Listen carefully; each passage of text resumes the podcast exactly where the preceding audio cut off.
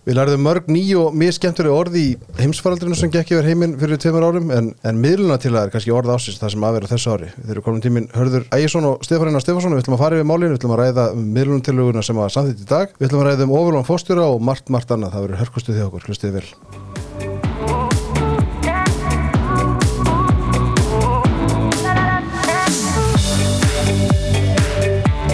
Já, drengir, við okkur bara bytt í þetta. Jú, Óttum kampaðinu. Erum við að skála fyrir miðluna tiluguna sem var samþýtt? Nei. jú, jú. Já, já. Ég, ég, Þetta er tákgrænt vín sko fyrir miðlunartilur Já, hvað er það? Þetta er sko blankt og blank, hvít og hvítu Já, vegna þess að Solveig Anna kastaði hvítahanglaðinu Það eru, það eru, það eru hvít flögg út um allt í dag. Já, það, hér er ekki friður. Það er Í. Já, Er komið, ró og friður á vinnumarkaðin? friður dýru verði keftur í fyrsta lagi með kjara samningunum sem líka fyrir og miðlunartilögunni þar sem að atvinnureikendur er látnir geta ofan í sig þessa afturvirkni sem að Solveig Anna og hennar fólk áttu þetta að sitja uppi með fyrir gönulhlaupið. En það er auðvitað það, það er gott að, að staðan sé allan að trygg næstu tíu mánuðina og svo klóra fólk sér auðvitað bara í kollinum yfir því eh, hvað gekk hér á miðluna til að aðastens Leifssonar sem röklaðist frá þegar sprengd undan sér eh, stólinn Eh, hún er nánast óbreytt lögð fyrir og samþykkt með stuðningi sólverðanu eftir að það búið að valda stórkostlegu tjóni. Takmarkuðum stuðningi hennar þó. Já, nægilega þannig að hún, hún lísti því yfir hún myndi greiða atkvæði með þessu. Mm Heyrðu, og það eru það er ekki nóg með að atvinnureikendur séu allir á þeirri skoðun að, að þessi milluna til að vera góð, heldur mikill meira hluti þeirra félagsmanna eblingar sem að tóku þátt í atkvæðagreiflun. Og þetta sannar auðvitað það, að það þarf að breyta löggjöfinni þannig að ríkisáttasemjari geti tekið fram fyrir hendurnar á fólki sem er ekki í ástandi til að taka ákvarðanir fyrir sína félagsmenn. Geti lagt fram meiluna til lögu þvinga fram uh, atkvæðagreifslumanna vegna þess að ef að dómstólar hefði ekki farið út í þennan leiðangur með sólöguannu hér fyrir örfáum vikum síðan og, og stoppað uh, minnlunar til aðsteins þá hefðum við ekki orðið fyrir þessu höggi og þessi fyrirtæki sem að eh, sko þetta eru allmörg fyrirtæki sem að sitja uppi með hundruða miljóna tjón. Já, og miljardar tjónum ættilega. já, kannski í heldinan litið þau sem að urðu verst úti En sko, miðlunum til hann er samþýtt með, þú veist, 85% atkvæði, greitar atkvæði eblingu, þar sem kjörsótt var enda bara 23% sem er undar mikið í, í þessu samingi og 90, tæmlega 99% atkvæði hjá SA. Sko, það, hefði, það var ekki nóg, nóg mikil kjörsótt í eblingu til að fella miðlunum til hann sem hefði þurft. Það hefði þurft 25%, eða ekki rétt skilja hann mér. Jú, og alla, Jú, allir Já, allir já. þeir 25% Einmitt. er það ekki já. Ef ég skilja það. Þannig En sko, niðurstaðan er svo að, að eblingar fólk fær SGS samninga já, sem að stóð þeim til bóða sem það hefðu að fá bara strax í upphafi algjörlega, en þau eru búin að tala um að þau vilji eblingar samning fyrir eblingar fólk var nú orðaðan sem þau notuðu þetta er uh, samningurinn sem að þau kjósa bara yfir sig og va- var eina niðurstaðan sem að lág á borðinu og var möguleg. Og uh, ég veit ekki hvað það var sem að olli því að, að Solveig Anna e, svona gafst upp og kastaði inn hvita hanglaðinni ég held bara einhvern veginn að þau hafi fundið að það var engin hljóngurinu fyrir þessu og þau hefðu á rétt að standa í því vegna þess að atkvæðagreislan um miðlunartiluna staðfesti það.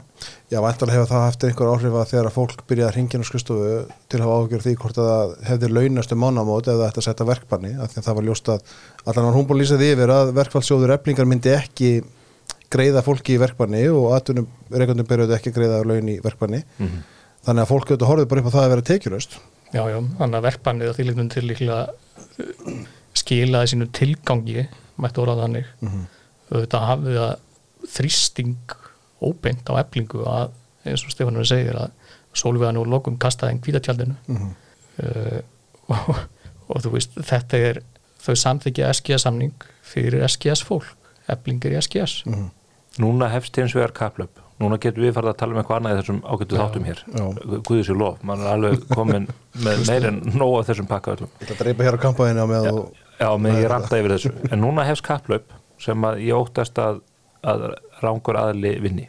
Það er kaplöp sem að mun ná hápunti í februarnaskomandi. Það sem að Solveig Anna og sennilega uh, starfsgreinasambandið og Vaffer undir fórustu Ragnars Þórs munur reyna að hleypa hér öll í bál og og, uh, neppa uh, stjórnvöld í gíslingu skömmu fyrir kostningar og knýja hér fram ekki aðeins allt og háa kjærasemninga heldur bara þjóðfélagsbreytingar eins og við höfum oft talað um e, en það er annar aðli á í starthólunum sem að getur fæði í það og það er, það er þingið sem að núna þarf að taka sig taki og breyta vinnulögjöfinni jafnveg þó að það verði í byllandi ágreiningi við, við minnulhutan sem að mun að sjálfsögðu nýta stöðuna til þess að reyna að skora einhverjar uh, pólitíska keilur. Og það, það snýst fyrst og fremst um það auðvitað að laga stöðu ríkisáttasemjara ef hann á að geta gagnast. Þannig að lögin verði bara speikluð á við það sem við þekkjum í Noregi og, og reynda víðar. Mm. þar sem að þessi úrræði eru trygg og, og kyrfilega niðun eld en svo þarf við þetta líka og það þarf að skoða uh, lagafrumvarp eða lagabreitinga til úr sjálfstæðarþingmannana Óla Björns og, og fleiri um félagafrælsið mm -hmm. því að það gengur ekkit lengur að uh, efnahagslegi hriðverkamenn neppi hér 20.000 manna í, í, gíslingu uh, þegar þeir uh, hérna, efna til Já, fyrst vísa málum til ríkissáta sem er og síðan fara efna til verkvalla með tilstyrk örfára einstaklingar sem um það kjósa.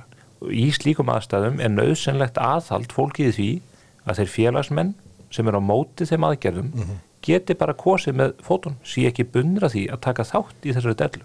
Það, er sjálf, það eru sjálfsögum mannréttind á 2001. öld. Já, já. Og ég myndi segja bæta við sem kannski kemur inn umræða hjá okkur eftir að, að þessi atriðsi Stefaninu tilur upp með lungu tíma bara umbætur á vinnumarkaslögjöðunni og síðan það félagfræsi þetta helst í hendu við það að vinnumarkaðurinn og þá um leið sko verðbólgan fari eitthvað niður þegar líður en árið mm -hmm. að því að markaðurinn, skuldabriðamarkaðurinn og aðrir markastæðalar munu þá hafa á nýju þegar líður en árið í haust þegar menn fara að setja sig í stellingar fyrir eh, endur nýjum kjærasamninguna hafa af því skiljanlega áhugjur að þetta fari allt saman í kalda kól mm -hmm þannig að svona aðgerri verður að klára þannig að menn sjáu það séu okkur úrræði til að bregðast við á þarna staðan uh, er orðin eins og við sáum núna fyrir skemmstu. Já, já, ég, ég er alveg samanleika með það. Ég hef samt einhvern veginn, já, ég verður bara viðkjana ég hef tapmarkað að trúa því að þingið takið þessi mál til sín á næstu missurum Það er mjög litla líkur Mónandi hef ég ránt fyrir mér en... það er enda bara mjög litla líkur líka á því að verðbólkaðan er komin niður og, og vextinni niður á þessum tíma. Mm. það, er bara, það er svo stutt í, í endurskóðan samningana og það er enþá einhver óbóslegur titringur hjá ofinbæra markaðinu sem að þykist verið einhverjum mm -hmm. kjærsamninga viðræðinu hér eh, við ofinbæra Friðrik Jónsson og, og, þessir fórkól var uh, Formaði BHM Já, fórkól og svo formaði BSB það, það, lappa núna hvernig degin til ríkisáta sem að ber í borðið, krefst uh, vinnutímastýttingar herri launa að laun séu met, mentur séu metin til launa og þau segja að það sé nóti skiptana og samningsaðlinn sem situr á mótið þeim er 120.000 miljónir í mínus á þessu ári í sínum rekstri.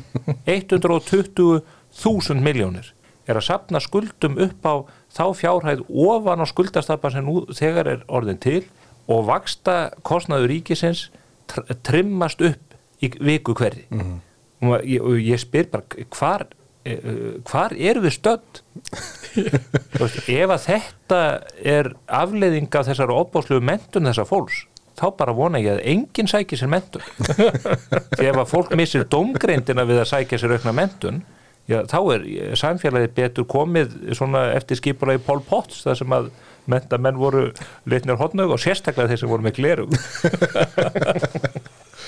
En sko okkur er tamt að velja svona sigurvegar og tapara svona winners and losers í þessu öllu saman er, er einhver sem vann þess, þetta stríð? Svona áður en við segjum sjáðust í næsta stríði eins og við erum bara fættum hér Er Haldur Benjamin sigurvegari? Er Solveig Anna sigurvegari? Eða, eða er það kannski bara Ástráður Halsson? Það töpuð allir, já Ástráður er, er það ekki Jú, jú, er þetta ekki að fara að tryggjónum hann, hann sóti strax í kjálfari hann kláraði þessa málamiluna til og sóti hann að nýjum embati skipin í landsrétt. Já. Ég held að þessi nýtilkomna aðdengli Við ættum bara að tilnefna bara í stríðsklepa tónstólun þetta kallar á slík viðbröð en, uh, en sko, ég maður heyri það samt á aðtunurreikundum að mörgum svíður það að það sé engin það hefur engar afleiðingar að valda þessum usla, ég minna eblingar að fá allt sem þau báðu um þannig séð, þú veist, þau eru að fá afturvirtina til fyrsta november, þú veist, þau eru að fá sömu kjör og aðrir, aðrir á markaði. Þannig að eftir allt sem undan er gengið þú veist sem að varu auðvitað til einskís og allir náttúrulega eins og við erum bara fjallum hér þú veist miklu efnaðslegu tjóni hér á landi það er engin efsing fyrir það. Nei, sem, sem kemur bara aftur inn á það sem við erum búin að ræða hérna er bara völdin sem þetta fólk hefur. Mhm. að þau geta farið fram með svona kröfur og, og beitt sér á þess að það hafi neinn aflengar áhrif. Það er þetta hefur samt afleðingar hún er þetta bara eins og astni ég meina þetta er bara þessi staða einhvern veginn að hleypa hér öllu upp stórskaða fyrirtækin allt í hers höndum Já, en henni er bara alveg sama. Já, já. Já, en ég held að fólk, ég, það er hljóta mjög margir að vera hugsi eftir þetta.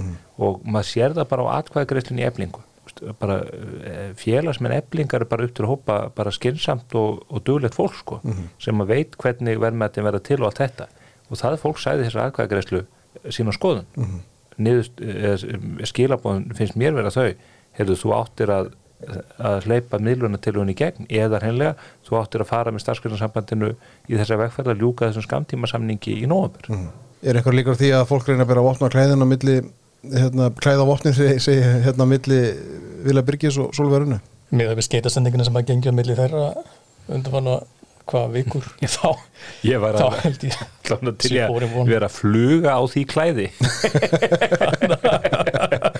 Og fylgjast með þegar þau myndu fallast í faðma. Já, þau að taka svona rempingskoss eins og Ástráðu tók á heimim á Pétursson. Já, einmitt. Ég er þetta með viðskiptöfum mitt fyrir heimim á þessi gleru er náttúrulega þau sjást utan á geimnum, þau eru svo stór. En hann gæti leikið í auglýsingum fyrir tryggingafélögin varandi framrúðutryggingar. Já, til þess bara tveir fyrir einn í framrúðutryggingum.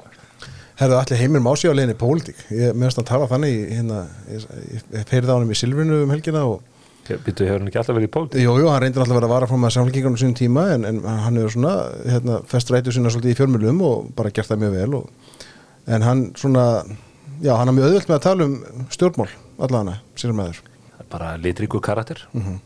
getur tekið upp kefli Jóns Baldvins með langa og ganga og banka Já. sem hann reynda stundum gleymir að nota. Þa, það er það vandrarlega þegar maður sjá að þetta er óekta Já. En sko þetta með að þú sagðir aðan sko fólki veit hvar verðmættin vera til. Ég meina þessi umræðum það hvar, hver skapa verðmættin, hvar þau vera til hver heldur upp í samfélaginu. Þú veist, erum við að taka hana nógu, nógu djúft Nei, nei, við erum aldrei að gera það en, en og, og svona maður sá á netinu þegar fólk var að segja neða sjáuði fólkið sem að starfar við ræstingarnar og svona samfélagi stoppar ef þau kom ekki. Það myndi nú ekki gerast ef að fórstjóri myndi ekki mæta hérna í nokkra mánuði. Mm. Býtu, hvernig heldur fólk að fyrirtæki séu fjármögn hvernig lánasamningar séu gera hvernig samiður um kaup og kjör við launafulltrúan sem greiður út launin? Eh, heldur upp í samskiptum við endurskoðunarskrifstofunar og eftirlis yfirvöld og allt þetta Nei, það er alveg rétt að sumir sinna störfum sem að breyta eh, miklu eh, frá degi til dags en svona kannski hver og ein aðgerð hefur lítið vægi svona í heldarmyndinni svo er það þeir sem að sinna verkefni sem kannski skipta ekki máli frá degi til dags en öllu upp á heldarmyndina og, og, og, og til framtíðar. Og við höfum allavega að þannig að þau störf síu flóknari og kalli á meiri sérhæfingu og sérþekkingu jafnvel meiri áhættu töku fyrir þá sem að því sinna og fyrir það er umbunað. Og ef að fólk vil snúa þessu við þá er það allt í lagi. En þá, þá hefur það þetta bara afleiðingar eins og við sjáum í, í löndum þar sem að hlutinni fara mjög aflaga. Mm. þannig að ég held að í grunninn viti fólk hvernig eh, gangverkið í raun og veru er þó að menn slái um sem með svona dellu, uh, dellu tali En svona almennt sko þá erum við veist, umræða um, um það hver skapar verðmættin, hver, hver, hver heldur upp í samfélaginu veist, minna, við, við erum sama hvað við, við getum sagt um, um þá barðu sem eru átt í stað á, á vinnumarkaði að þá er þessi umræða hún færist í aukana og það er jafnvel deilt á það að kapla um það hver skapar verðmættin, hver heldur upp í samfélaginu og svo framvegis.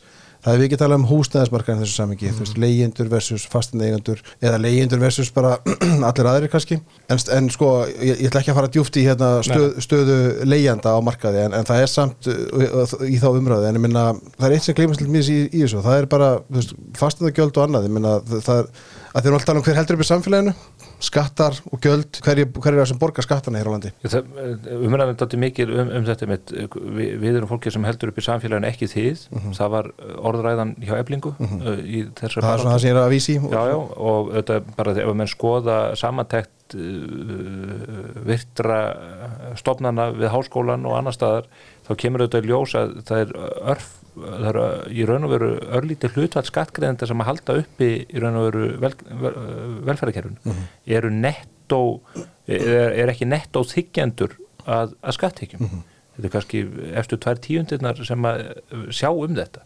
Þannig að lægst launað fólkið er síðan í gegnum bótakerfi og, og svona jöfnunarkerfið að þykja meira heldur en það leggur til og það, það er bara allir sátti við það en það er auðvitað öfumæli að halda því fram að það sama fólk haldi upp í kerfinu. Varandi fastegnamarkaðin leiguverð er hátt, húsnæðisverð er líka rosalega hátt, það er rosalega dýrt að eiga húsnæði, þetta er það dýrasta sem að fólk uh, tryggir sér og, og tekur bara æfin á enda að koma sér upp húsnæði og hefur bara allartíð verið þannig og Kári S. Fridriksson hagfræðingur hjá mannverkjastofnun, húsnæðis og mannverkjastofnun hann var nú bara í mokkanum í morgun grunni viðtals við mig í dagmálum og hann var að benda á það að bara út frá fastegna verði og launum þá er leigu kostnaður á íbúðamarkaði um, bara í sögulegu lámarki mm. þannig að það þarf aðeins að stilla þessu umræðu af og hætta þessari dramatíkum það að fólk geti hvergi orðið búið að því að það sé svo dýrt og menn tóku hér einhvern tíðan fyrir áramót ölmu fastegnafélag lífi út af einhverju konu sem að bjóði risastóri íbúð á hverfiskötu og það verði að hækka leiguna á þessa íbúð uh, allverulega. Eða við fyrst alveg þetta bara dýrasti blettur landsins og íbúðin augljóslega allt á stór. Býtu, fólk verður þetta að snýða sér líka stakka eftir vexti. Mér langar alveg til að bú í versölum sko. En ég bý bara í jörðuhaldi fólk verður að hérna verður að setja þessa hluti í rétt samhengi og út frá til þess fastegnum menn segja það er svo rosalega dýrt að leia Býtu, þeir sem eiga húsnæði, þeir vita líka að það er rosalega dýrt að eiga húsnæði mm. og uh, skattheimta af fastegnum almennings er einn grunnstóð rekstrar sveitafélagana sem er síðan nýtt til samneyslunar. Á síðast ári greittu eigendur íbúðarhúsnæðis 20.000 miljónir í fastegnarkjöld til sveitafélagana. Það er smá uppæð. Og í mörgun tilvikum er það nákvæmlega þetta sama fólk sem að á atvinnuhúsnæðið mm -hmm. það sem að álagðar uh, álagð hérna, fastegnarkjöld eru miklu herri mm -hmm. hvort það séu 40 miljardar eða 30 á síðast árið, sko miklu herri fjárhæð. Og svo bara leifa fjölmiðlamenn sér og síðan þetta fólknarsu eflingu að, að frussa fram inn í þetta sama fólk og segja, eru þið eru ekki að gera neitt fyrir samfélagið. Við erum að halda samfélaginu uppi. Og þetta er bara rámt og það, það þarf bara einhver að fara að spilnaðu fótum og segja hættiði þessu ruggli við búum í samfélagi þar sem við erum að jafna tekjur og stöðu fólks alveg út í eitt. Mm -hmm. við erum mjög sósælist samfélag. Og það gengur ekki ofanalag að ætla síðan að, að útrópa og útskúfa fólkinu sem að borgar brúsan í lókdags mm -hmm.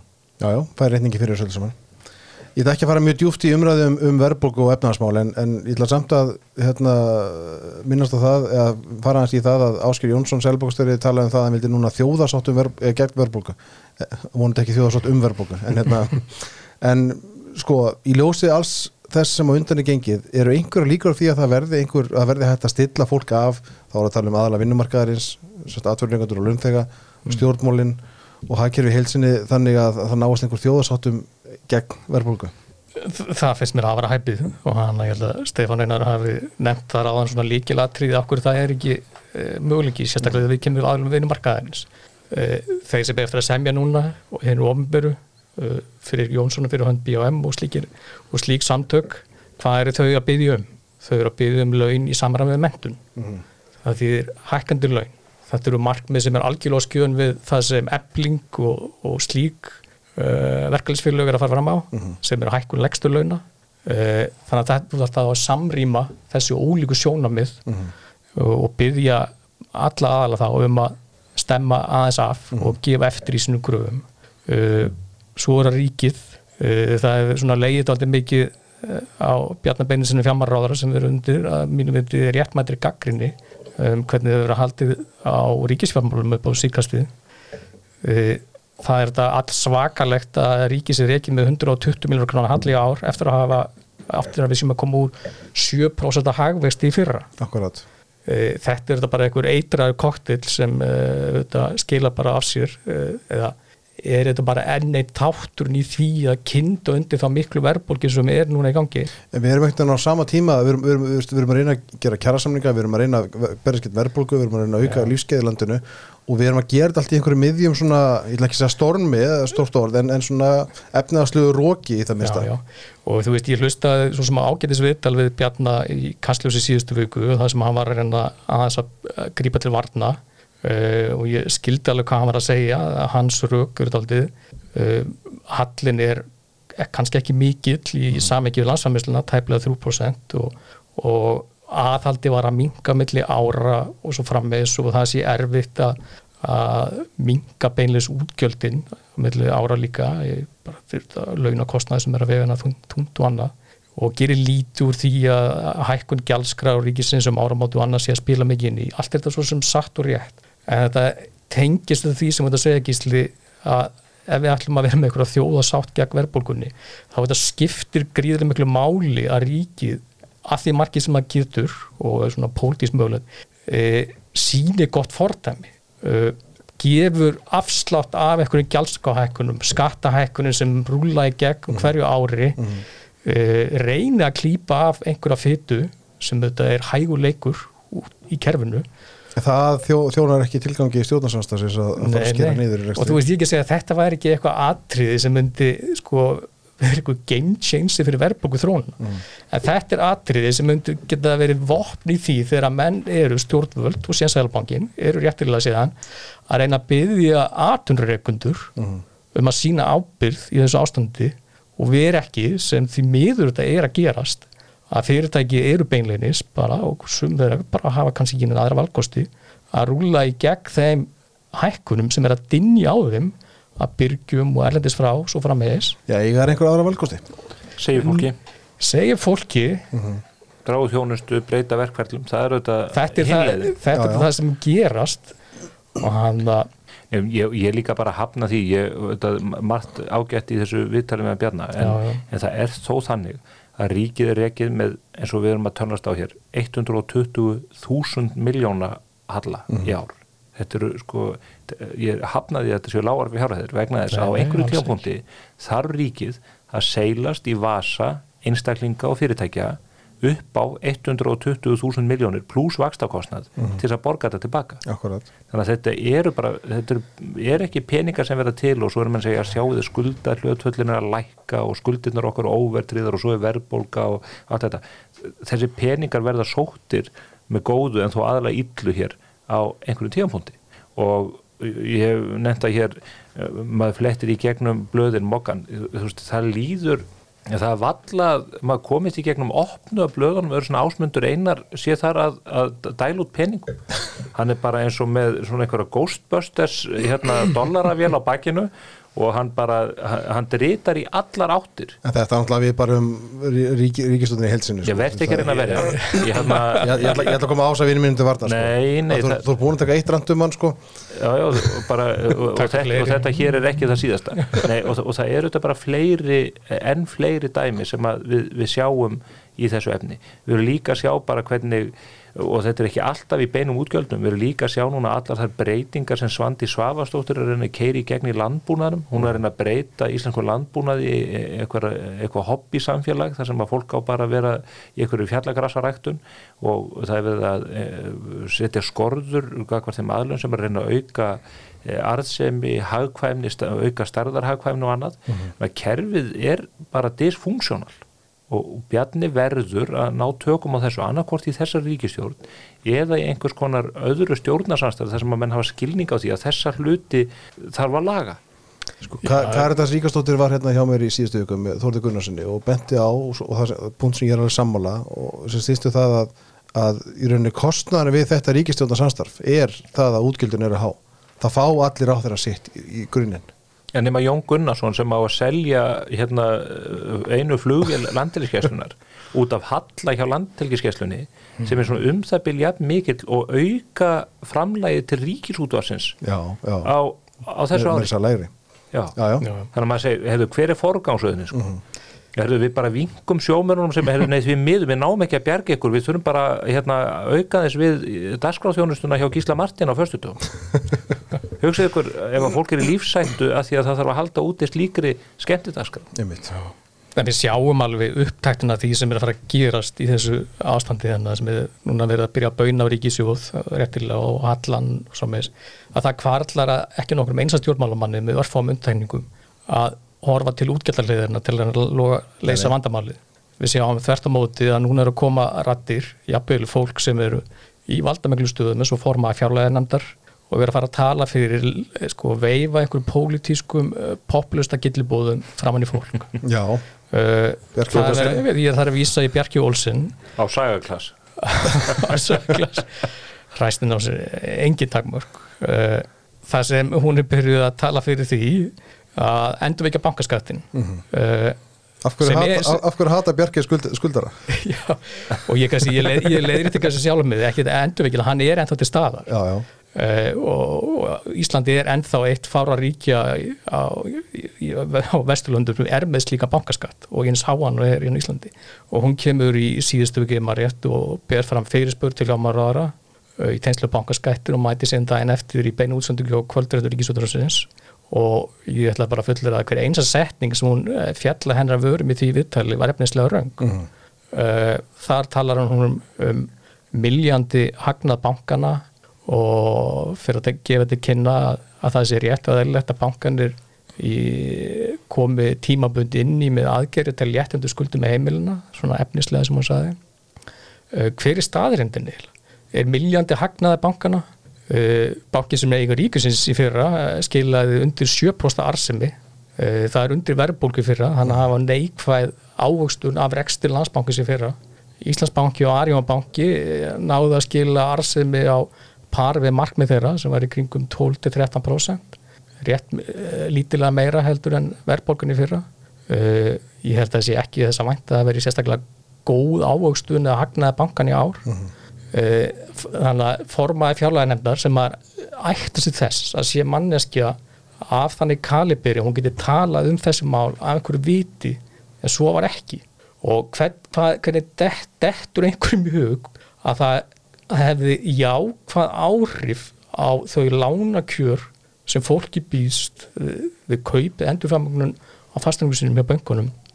Eh, bankaskatturinn er að hækka í fyrra horf sem að var 2020 já útskýru samt aðeins fyrir hlustundu sko að því að, banka, að því að bankaskatturinn er þannig að hann leggst á skuldir.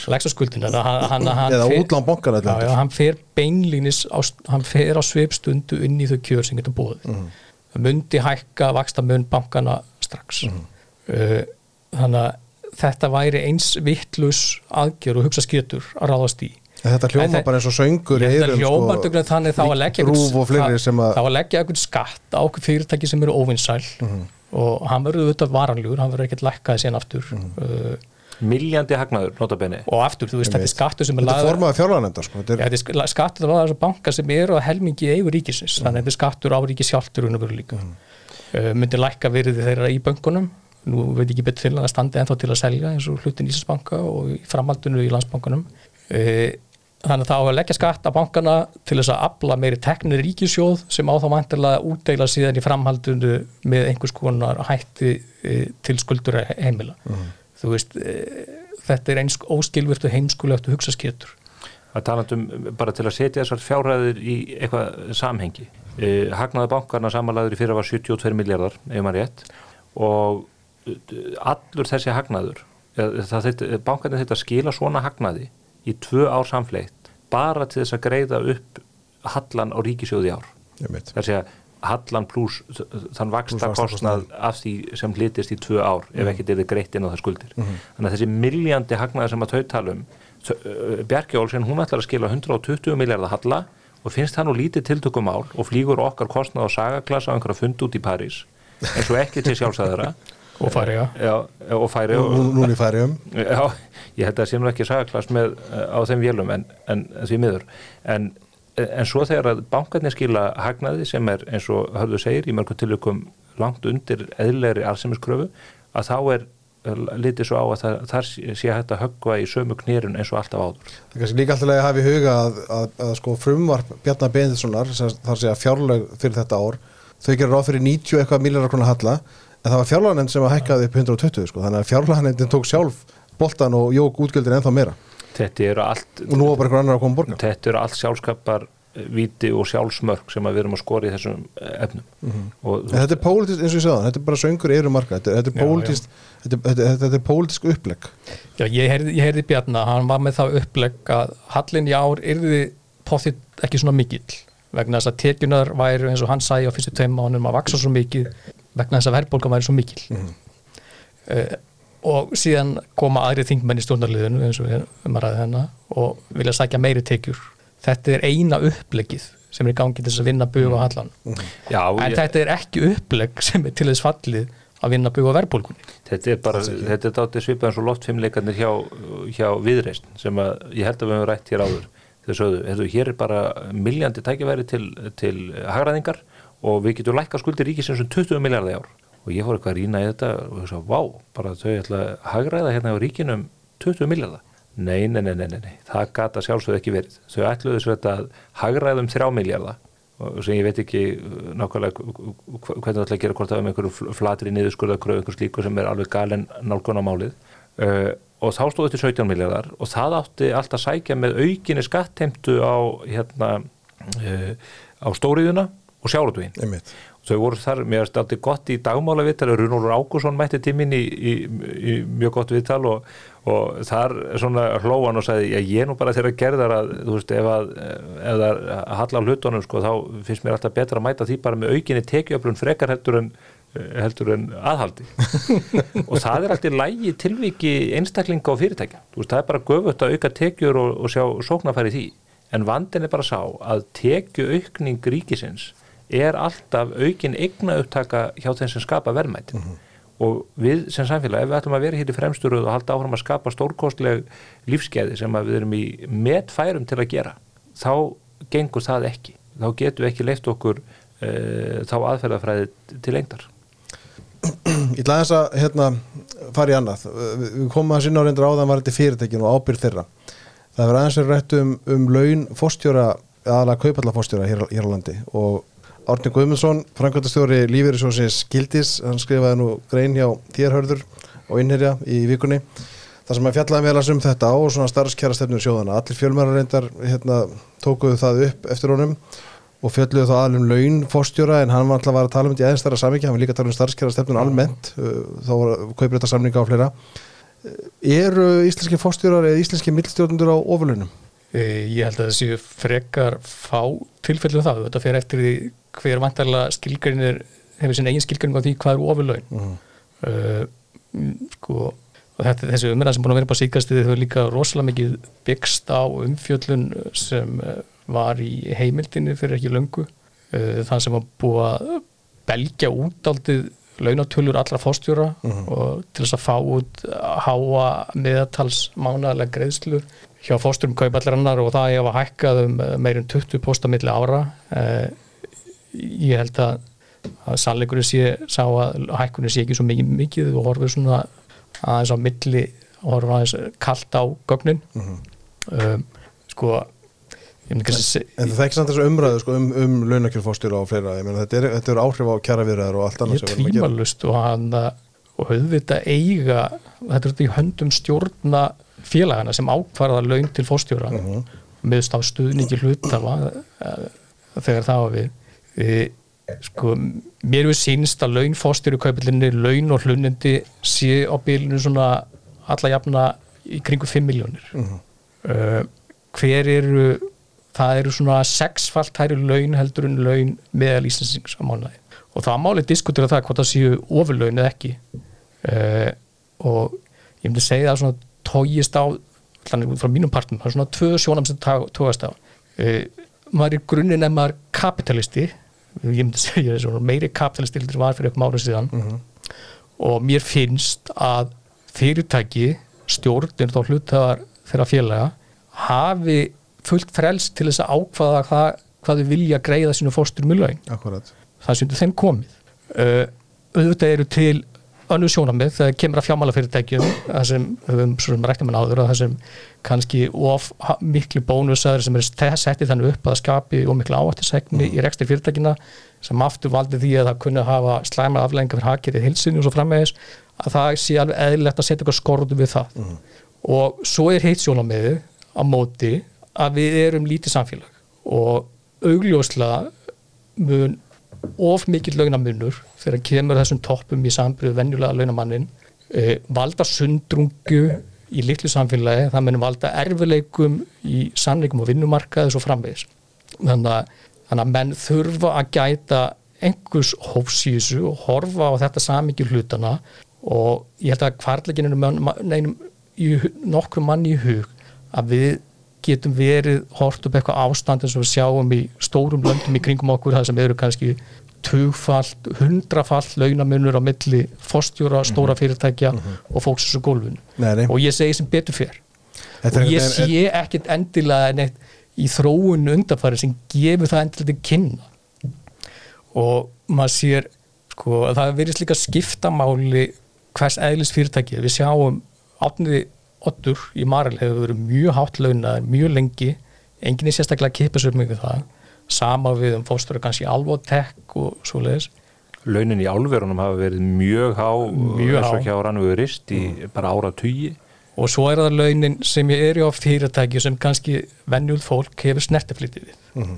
og það er tryggingafélagin, það er bensin uh, Smásalarnir málum og svo framvis og það, slí, þau laun valda kannski skiljilega meiri úlfað þitt Það vaknar þetta spurningin alltaf sko myndi þetta fólk sem að sinna þessum verkefnu og mjög hæfileika ríkt velmenta fólk með mikla reynslu myndi þetta fólk sinna þessum verkefnum uh, fyrir lagri fjárhæð?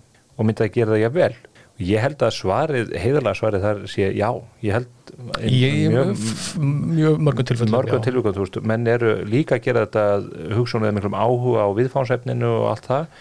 Og ég er ekkit viss um að samkefnin það er nú stundu sagt sko, já, það verður engin bankamaður íslensku ráðið sér til starfa erlendis, það er ekki rétt. Nei, nei. samkeppnin um mjög hæfileikaríkt fólk með alþjóðlega mentun er bara talsverð.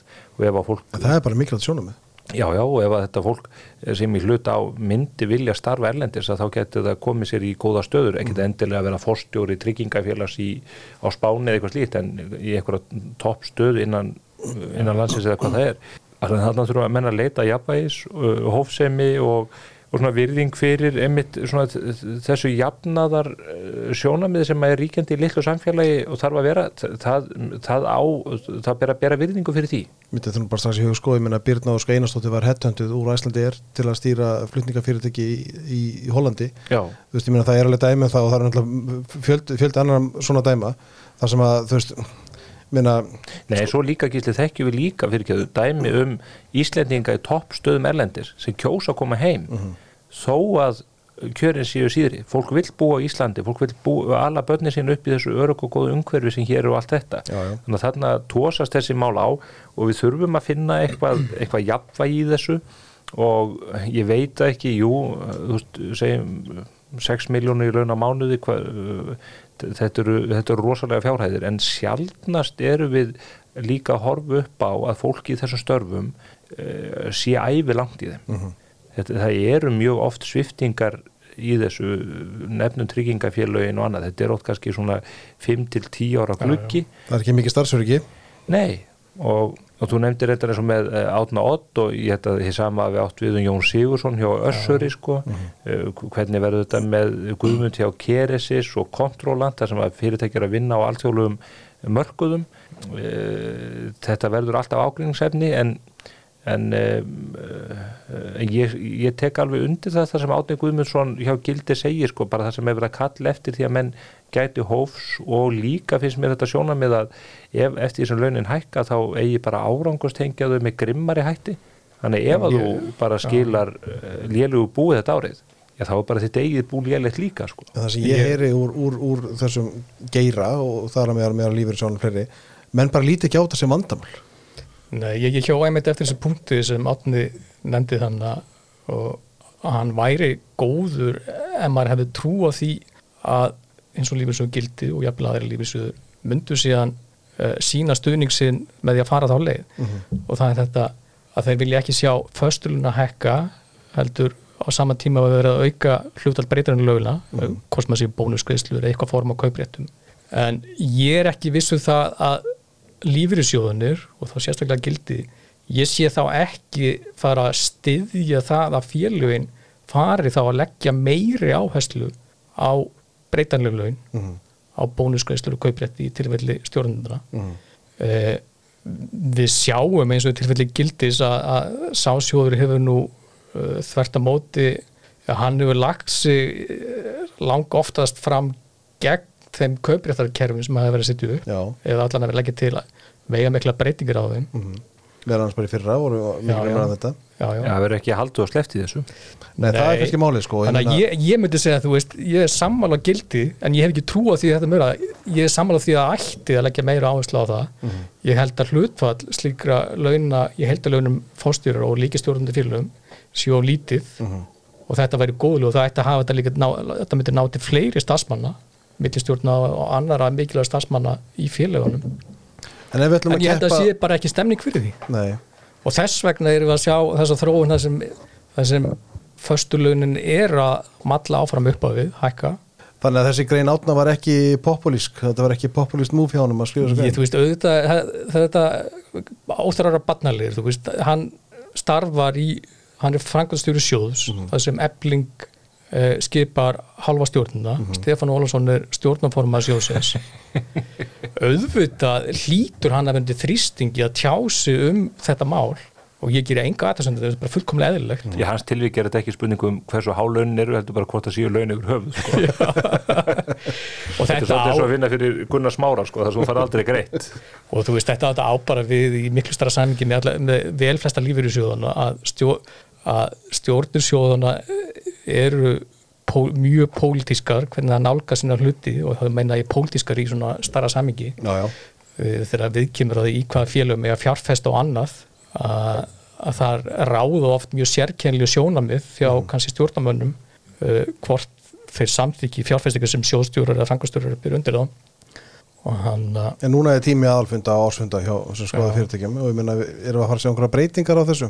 Manni Einhverjar- sín, þetta, er ekki, þetta er ekki endilega á dagskrá á aðalfundana og það er ekki verið að gera neitt í þessum málum, þannig sé Nei, maður sé þú veist eins og áður sko og, og átnir nefnir réttilega að gildi svona eini fjárfestin sem hefur verið að koma með breytingatillu fyrir fundina og að vera dett inn einhverjar. Þetta er einhver stórvægilegar breytingar sem er að leggja til. Uh, en ég myndi maður að taka eitt dæmi svona að við nefndum Æslandeir hann áðan og, og það var, og maður bara heyrði þetta síðan í samtöl við marga stjórnundur Æslandir eftir að svona fárunu slotaði. Að ég held að mörgu þar hafi sárnað að sjá skort á stuðningi stóra hlutöfa í félaginu, það eru, lífyrirsjóðir á meðan að félagi var að róa lífróður árunum 2020 í COVID-fárunu í endurskrifningu af félaginu svo farið hluta frá bóð og aldrei nokkrum einasta tímpúndi virtist við að koma einhver áþreiðanvölur, hvað sem að vera baka tjöldinu og opirla stuðningu frá hlutum Nei, nei. við það sem eru voru að vinna að lífyrirsjóðunir og fundum með lífyrirsjóðum aðdönda hlutir og búðana virtist aðal ágefni sumra lífyrirsjóð vera hvort að hvort það væri verið að fara að greiða ykkur bónusgreiðslur eða eitthvað slíkt. Í staðan fyrir að reyna að koma með eitthvað aðstóð og, og reyna að bjarga félaginu þá er þetta Lífisveið Vestlurmann alltaf gekk frá borðinu í kjöldabóðinu sjálfu og við, við mörgum 2020. þetta hvernig það var að það var ekki fyrir en á bara sko loka stundu það sem ljós kom að einhver lífyrsjóður voru reyði búin að taka þátt í þessu mm. -hmm. lífyrsjóður starfsmann ríkisætlisar kom og þetta út á hefnaðslokum og af hverju er, að- er koma með þennan bakgrunn á þessu að því síðan strax í kjölfarið er eh, kjölfarið svona árið setna er byrjað að vinna því að koma á einhverju kaup rétta kerfi fyrir félagi eftir að það er búið að vinna baki brotnu að bjarga því. Og, með, ein- og, og það var ekki þökk fyrir stóra hlutafa Nei, og mjög lítil hluta alls ekki.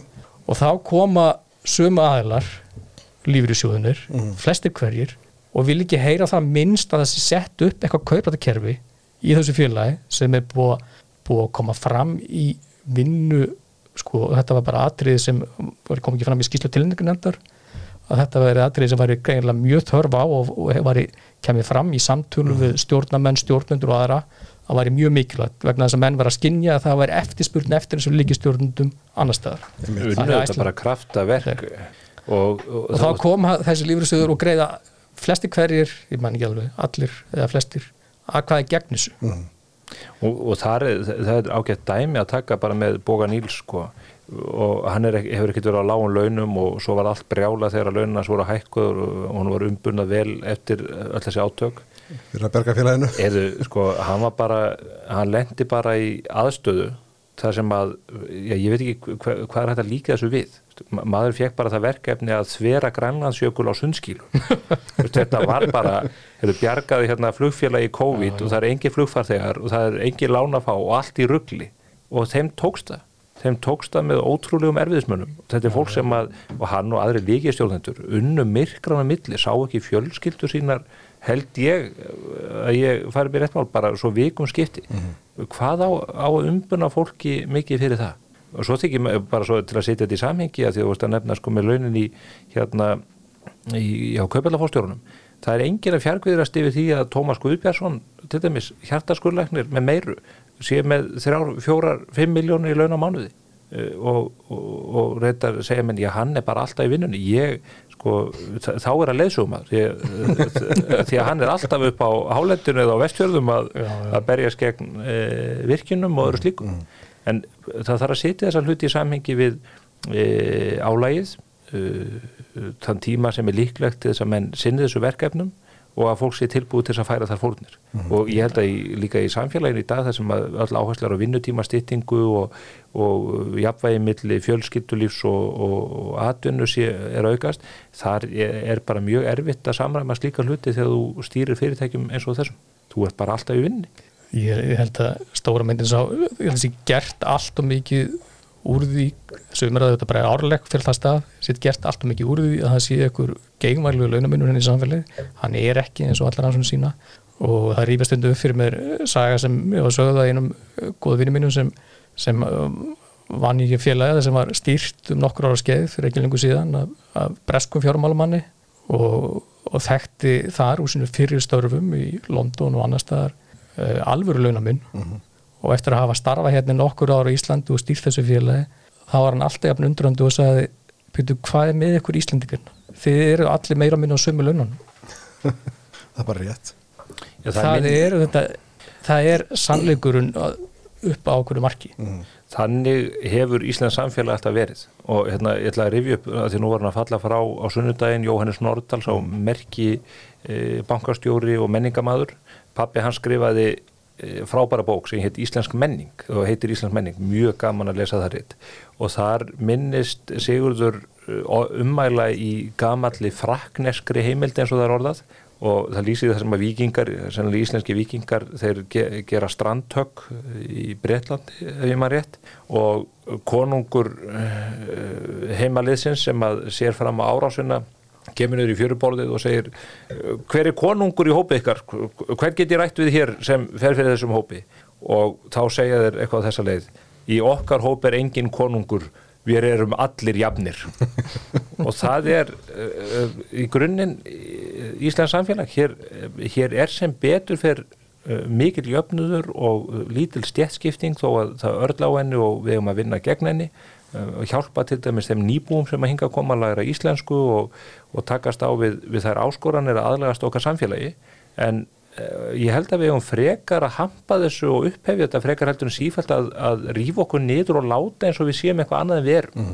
Umræðin er oft eins og að hér sé bara uh, lifi bara típr á þjóðuna á einhverjum herragörðum og, og restin bara í torkofum sem myndi fjara sannleikanum Ég ætla nú að fara að segja þetta ágætt en þú talar um að rífa okkur niður. Það hérna, var nú áhvert að lesa afsökunarbeginni aftenpostin hérna í síðustu viku.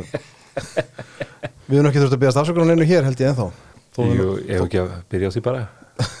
Byrja þú gísli. Já, bara beðast afsökunar einhver sem við höfum sagt einhvern tíman Heyrðu, um einhvern. hvað, hvað var í gangi þarna? Þetta er þetta mjög fyrirlegt mál svona til að rífi fyrir, hlustundum og þá þetta snýðast um það að það byrti skrein í aftenpostin eða í tímariti sem aftenpostin gefur út. Einu sinni mánuði. Um það að Ísland væri já, eitt af spiltastu ef ekki það spiltasta land í heimi eftir hvað, danskan bræðamenn eða ekki? Eh, Jú, spiltasta Norðurlandana Já. og sennilega bara spiltasta land í heimi og þó víðar væri leitað. Og þar, þarna byrtist einhver svakalega frásögn af því sem kallaði er samhýrjamálið uh, svo, svo þetta kemur á daginn að þetta var hann bara allt einhver tóm vitleysa.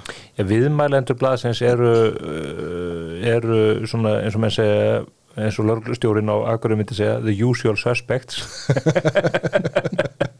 Það eru Þórður Snær og, og var það ekki og Sigriður Döggja, Blamanafélaginu Já, og og Allir Þór. Fandal hjá, hvað heitir þetta, Tra- Transparency International.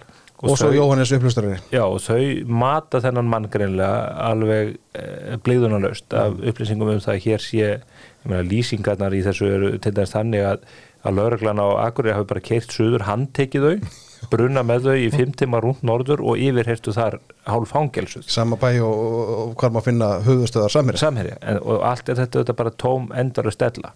Og þau töldu einhvern veginn greinlega og þessi bladamæra þau getur komist upp með þetta og þetta er ekki tekað af. En einhver hefur tekið á sig ómakið og maður grunnar svo sem hverju hafi farið í leiðréttingar leiðangur. Og maður getur bara ímynda sér með rítstjóra aftenposten þegar hann þegar gögnin eru lögð á borðið og hann fyrir að skoða þetta og að reyna að átta sig á samingi hlutana eða maðurinn hlýtur að hafa gripið um höfu sér og, og hugsað bara Guð, hvað hef ég gert? Já. Enda kemur þarna bara tæmlega 700 orða afsökunarbeini og, og ég grýp bara til orða jópsbókar í gamla testamentinu þeir, þeir yðrast í dufti og ösku þeir bara leggjast í jörðina og það er, það er ekki borðið bæti fláka fyrir neitt ekki það einstæðri og þess vegna vil ég bara, hvað heitir hann eh, skutti, þessi blaðmar Lars, Lars Gutti Lars Skutti skuttavísurnar. Sko, um, þennan, um þennan mann segi ég bara eitt. Ef þið eigið löst jobb í einhverju þá megið þið hafa samband við hann. Því að hann er ekki að fara að skrifa fyrir neinn einasta alvöru fjölmiðil hér eftir afsökunarbeginni í aftunbústin var þetta bara já, mjög vel gerð, ég skal segja það bara hérna, einlega og eins og sá fjölmiðil, aftenpostin er bara mjög virðulegur, öflugur og ábyrgur fjölmiðil þeir voru bara teknir í bólinu, þeir brugðust og þeir segja við erum að fara að breyta hérna verkverðlum mm mér finnst mjög aðtilsvægt að sjá þetta það var eitthvað umræða á Facebook um þetta mál og fólk er veltað sér af hvaða fólk fengi út úr því að tala niður Ísland með þessum hætti þannig eru þetta Íslendingar sem eru eins og þú bentir á eh, fjöllum hér, viðmannendur hann er sómstöð skilgreinandi ágætlega. Hann segir að ég held öðru ég segi hérna, hérna kemur tilvittinni hann ég held að öðrum þræði hafi þetta verið hópsefin blessa fólk eitt, eitt inn í bergmálsklefa og hafði lokað að sér. Svo kemur þetta betra kvót.